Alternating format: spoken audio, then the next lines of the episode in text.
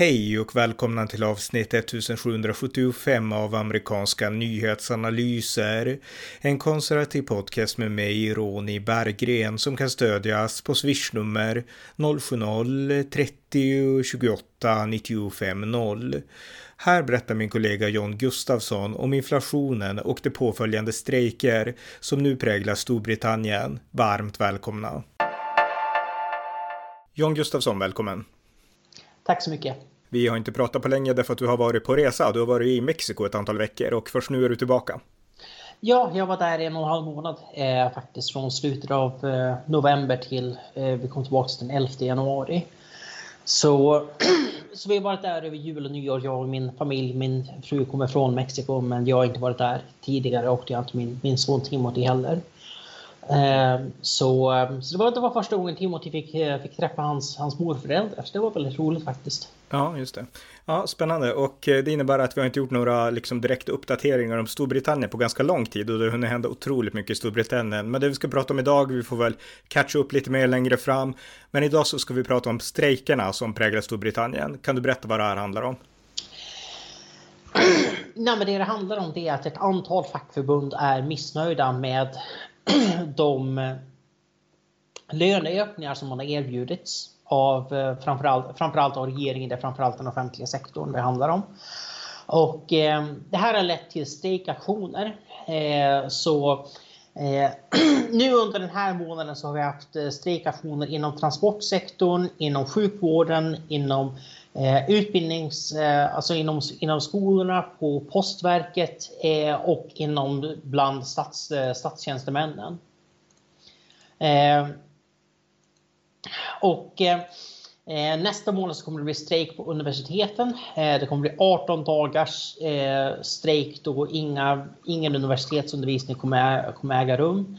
Eh, med start nästa månad. Det kommer spridas ut över tror jag, två eller tre månader. Men, eh, och det här drabbar ju såklart, eh, drabbar såklart studenterna väldigt hårt. Och, eh, eh nej, men framförallt så sjukvårdsstrejkerna är de, de som är, drabbar, allra, drabbar allra, allra mest för att eh, Storbritanniens sjukvårdssystem har en kris redan som det är nu.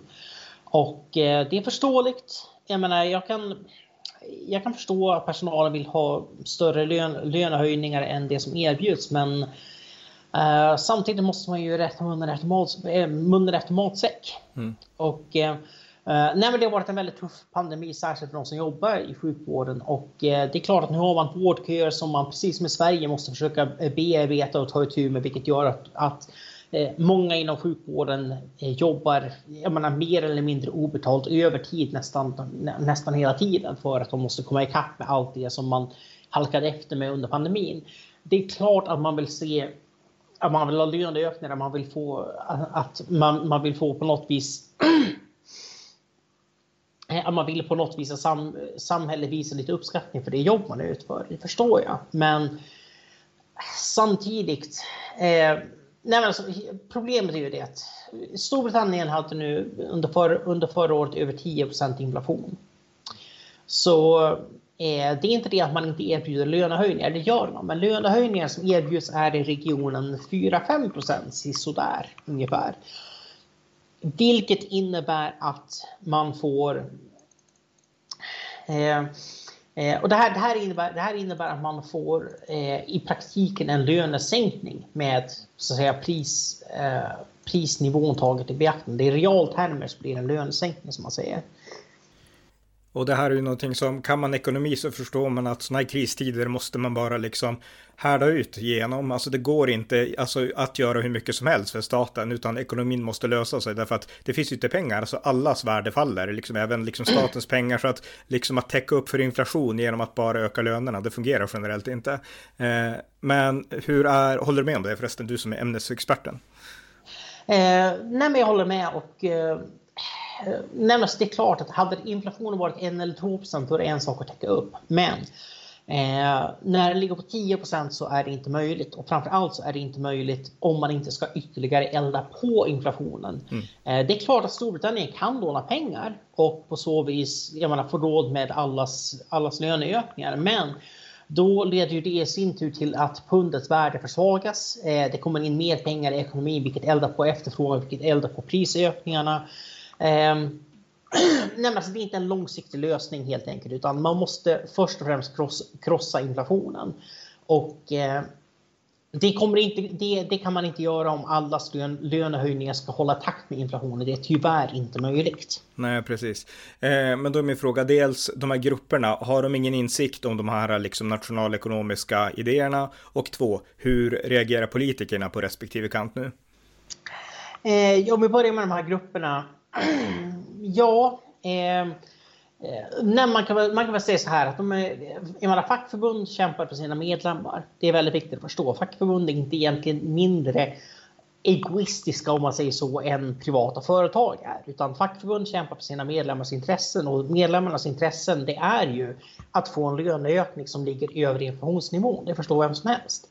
Det är bara det att det inte är det kollektiva samhällets intresse. Men ett fackförbund är Nej, men ett fackförbund representerar medlemmar. Det är så det ska vara. Men, eh, men man kan ju tycka att de borde kunna tänka lite mer långsiktigt i det här fallet. Men då, eh, men då har vi nästa problem och det är att fackförbunden har ett visst intresse i att orsaka en politisk kris för den här regeringen. Jag menar, fackförbunden, fackförbunden lutar åt vänster och särskilt ledningen lutar åt, ledningarna lutar åt vänster. Det vet vi sedan tidigare. Så genom att gå ut strejk i ett sånt här läge så tror jag att man tror att man helt enkelt kan tvinga fram ett nyval, tvinga fram ett tidigt, eh, eh ett tidigt val. För nästa val behöver inte hållas förrän om två år. Om vi ska se till ordinarie val. Mm. Men, eh, men kan man så att säga göra läget så krisartat att, eh, att eh, att Rishi Sunak måste, måste utlysa ett nyval, ja men då tänker man väl att man kan få en Labour-regering på plats istället. Just det. Mm. Ja, då förstår jag. Och politikerna då, hur tänker de nu och hur agerar de? Eh, jag måste säga att jag är eh, faktiskt imponerad av Rishi Sunak så här långt. Eh, det här är mitt förbehåll så att säga, men, nej, men just den här frågan. Men Rishi Sunak Sunas ekonomiska politik är okej. Okay. Han är ansvarsfull, han förstår att jag menar, han kan inte vika sig på den här punkten. Det, det, det funkar inte. Och eh, eh vi kan ju återkomma till vad Sunak har haft för sig de senaste månaderna. Det finns en del saker där jag inte alls eh, är nöjd med. Men, eh, men det ska sägas, nej, på den här punkten så Rishi Sunak kommer inte, kommer inte vika sig. Det är jag nästan 100% säker på. Och eh, jag tror istället att, eh, jag menar, jag tror istället att det här kan vara rätt eh, riskabelt för Labour framför allt. För det här är en tuff situation för Keir Starmer. Eh, han har försökt i princip att undvika att, att uttala sig eh, i största, största möjliga mån. Eh, och när han har uttalat sig så har det varit väldigt jakande ungefär. Alltså det, och det här beror ju på att det är en sak att människor stöder en strejk innan strejken sker. Men det är en helt annan sak att få det stödet att bibehållas i takt med att vanliga människor drabbas. För att det finns många människor som inte jobbar inom sjukvården, inte jobbar inom transport, inte jobbar på posten och så vidare som känner att nej, men jag har inte heller fått en så stor lön, lön, lönehöjning, men jag strejkar ju inte. Vad håller de här på med? Eh, så nej men alltså, jag tror att Suna kommer att köra en väldigt tuff linje här och det är av den enkla anledningen att han hoppas helt enkelt att fackförbunden ska spela ska spela över sin hand så att säga. Att de ska vara för, för kaxiga, kräva för mycket och att det här då ska slå ut på, på Labour. För att, och vi skulle säga att det här har hänt förr. Eh, under eh, jag menar, I slutet av 70-talet så präglades Storbritannien av, av oerhörda, eh, oerhörda storstrejker och en del strejker som inte ens var alltså vilda strejker som man kallade strejker som inte var ens eh, godkända av fackför, fackförbunden. Eh, och det där ledde, det där ledde till, till, att folk blev så förbannade på fackförbunden att när det var, alltså när fackförbunden försökte blockera, till exempel blockera ingången till en arbetsplats så att ingen skulle komma in så kom vanligt folk och släpade bort dem. Det var liksom, det var folkligt uppror mot fackpampar. Det var, det var helt otroligt att se. Ehm, så det här, eh, så när det är det som, för grejen är det att Sunaks läge rent politiskt är ganska katastrofalt. Jag menar, opinionsmätningarna är inte alls bra nu. Och eh, jag ska inte säga att det finns en jättetydlig trend, men den är ganska, jag menar, Labour har minst 16 16 ledning, minst, om scope-mätningarna, uppemot 20-22 procent beroende på mätning. Så det som ska rädda Rishi Sunak, det är att Keir Starmer tvingas endorsa strejkerna för att inte ha splittring i sitt eget parti.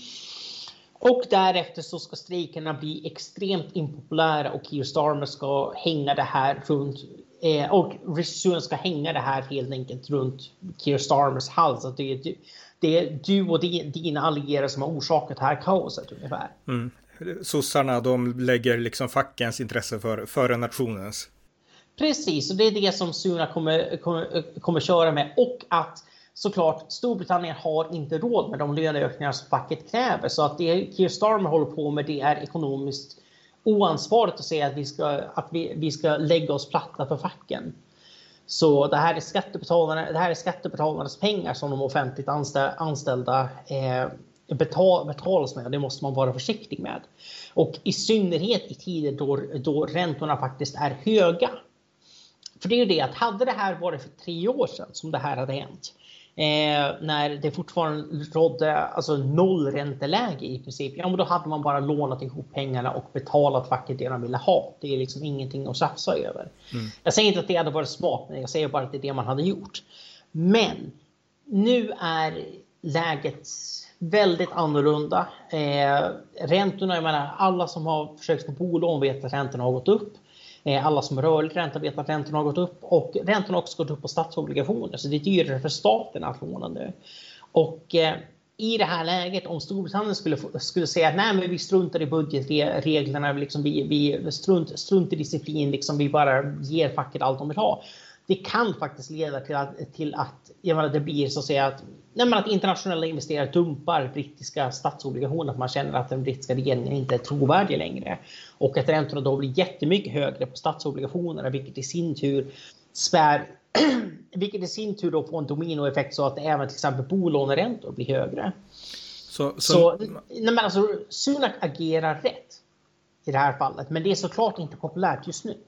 Nej, exakt, men det handlar om principer som fungerar liksom kontra, kontra populism som kanske också funderar för att vinna väljare, men kanske inte bra rent politiskt. Och det är just därför som jag tror att eh, nej, men Sunak kommer de behöva släpa ut ur 10 Downing Street om jag säger så. För att eh, nej, men, nej, men grejen är det att Tories har en stor majoritet i parlamentet. Eh, och eh, det finns inga Tory-ledamöter som är särskilt pigga på att få ett nyval. Så hur exakt, jag menar, hur impopulär den här regeringen än blir så tror inte jag att det blir, jag menar, mitt tips just nu är att det inte kommer bli något, något nyval utan nästa val sker om två år helt mm. För att eh, Sunak vill ha så lång tid som bara går för att lägga det här debaklet och få inflationen att funka tillbaka. Den kommer funka tillbaka det här året. Eh, enligt prognosen kommer den funka tillbaka ännu mer nästa år. Så jag menar, att få alla de här problemen i backspegeln innan man möter väljarna nästa gång. Det är, Eh, och få folk att glömma Boris Johnson. det är kanske också av, av hög, av hög prioritering. Så, och under den tiden så kan, jag menar, så kan eh, Keir Starmer få tillräckligt lång tid för att så att säga riva ut sig på olika sätt. Mm. Men intressant, men det här innebär alltså att eh, ja, eh, Tories eh, står på sig och eh, ja, genom att göra det så kommer inflationen lägga sig på sikt, kan man säga så? Ja, och sen är det såklart att det finns många internationella faktorer. Inflationen sjunker tillbaka även i USA till exempel just nu. Mm. Eh, så det finns, det finns andra faktorer också kring varför, kring varför inflationen kommer att, kommer att funka tillbaka även om den inte återvänder till normala nivåer inom, inom, inom särskilt överskådlig framtid. Men, eh, men det kommer falla tillbaka i alla fall. Och eh, det här gör att Sunak kan så att säga möta belgarna i januari 2025 och säga nej men det är, vi, det, värsta, det värsta är över, liksom vi är framtiden i ljus, jag har rätt, ridit ut krisen så att säga. Och, eh, eh, och eh, nej men alltså det, finns, det finns ingen anledning för Tories att vilja ha, att vilja ha ett nyval. Jag, menar, jag förstår de principiella skälen för det, att man ska ha Eh, jag menar att Rishi Sunak har inte vunnit ett eget, ett eget mandat utan det var Boris Johnson som vann 2019. Eh, jag förstår. Liksom konkret, jag förstår. Men grejen att ja, nej men det här är realpolitik och politik handlar om, att, handlar om att bli vald och skulle det hållas val nu så skulle Tories inte bli valda. Därför kommer man inte att hålla något nytt val nu. Mm. Så, eh, nej men så, sånt är Eh, så, så läget. Och vi ska också säga det också, på tal om opinionsmätningar. Det ser väldigt mörkt ut när man frågar vilket parti tänker du rösta på. Men när man däremot frågar vilken person tycker du eller tror du skulle bli bäst som premiärminister, alltså när valet står mellan Rishi Sunak eller Keir Starmer, då är det mycket, mycket jämnare. Och då menar jag alltså att det skiljer, jag menar, någonstans med 2 till 5 procent i Keir Starmers fördel jämfört med alltså 16-22 i Centerpartisympati. Så, eh, så Sunak är mer populär än Tories och folk är mer skeptiska till Starmer än de är till Labour. Än de är till Labour. Och det gör att i en, om vi tänker oss ett scenario, jag säger, jag menar, nu, nu vill jag vara tydlig. Labour är favoriter att vinna nästa val. Jag säger inget annat. Jag säger bara att det finns scenarion där eh, de konservativa faktiskt kan reda ut det här. Och det scenariot kräver dels att valet inte hålls förrän om två år, att inflationen lägger sig tillbaks under den tiden, att fackförbunden över, alltså tar över Trump eh, nu. Eh, men framför allt i själva valkampanjen så måste man fokusera mer på Keir Starmer versus, eh, versus Rishi Sunak. Alltså få det att bli ett personval. Det är precis som jag menar, Socialdemokraterna är mindre populära än Magdalena Andersson så hela deras valkampanj handlade om Magdalena Andersson och lyfta fram vilken liksom, otroligt bra ledare hon är. Så det, det är en vanlig strategi som partier har när man har en populär, en populär partiledare. Så eh, nu ska jag säga att jag menar, populär är ju relativt. Sunak är inte så mycket populär men han är betydligt mer populär än sitt parti. Och det är det som, är, det är det som jag syftar på här. Mm, just det. Ja, intressant, men mycket intressant. En bra konservativ analys av de här händelserna i Storbritannien. Är det något mer, är det något mer du vill tillägga? Eh, nej, det är, väl, det, är väl, det, är väl ungefär, det är väl ungefär det. Jag skulle också kanske tillägga att det... Jo, jag kan väl tillägga att en del i att eh, eh Tories ligger så långt under i mätningen är att Reform Party Eh, som är så Nigel Farages eh, gamla eh, parti, det parti som tidigare hette Brexit Party före, före Brexit. Eh, de ligger på 6-7 procent i de flesta mätningarna. Och i praktiken kommer de inte att få så mycket utan eh, jag menar, jag menar mm realistiskt 2 om jag säger så, realistiskt. För att i praktiken kan de inte vinna i de flesta valkretsar. Så det är, även om de skulle ställa upp i alla valkretsar, vilket i sig självt är tveksamt. Men eh, jag menar, kort sagt, Tories har en del väljare där som av ren princip säger att de kommer rösta på Reform Party, men som i jag menar, när det verkligen gäller inte kommer vilja se en Labour-regering. Så underläget är inte fullt så drastiskt som det kanske ser ut till en början. Men men nej, men alltså, det, det, är tufft, det är ett tufft läge för, för Tories, men eh, det finns chans att reda ut det här tror jag fortfarande. Mycket intressant. Vi får återkomma med fler uppdateringar. Tack John. Tack själv. Ni har lyssnat till amerikanska nyhetsanalyser. En podcast som kan stödjas på swishnummer 070-30 28 950 eller via hemsidan usapool.blogspot.com på Paypal, Patreon eller bankkonto. Om ni har möjlighet så skänk också en slant till valfri Ukraina-hjälp. Tack för att ni lyssnat. Vi hörs snart igen.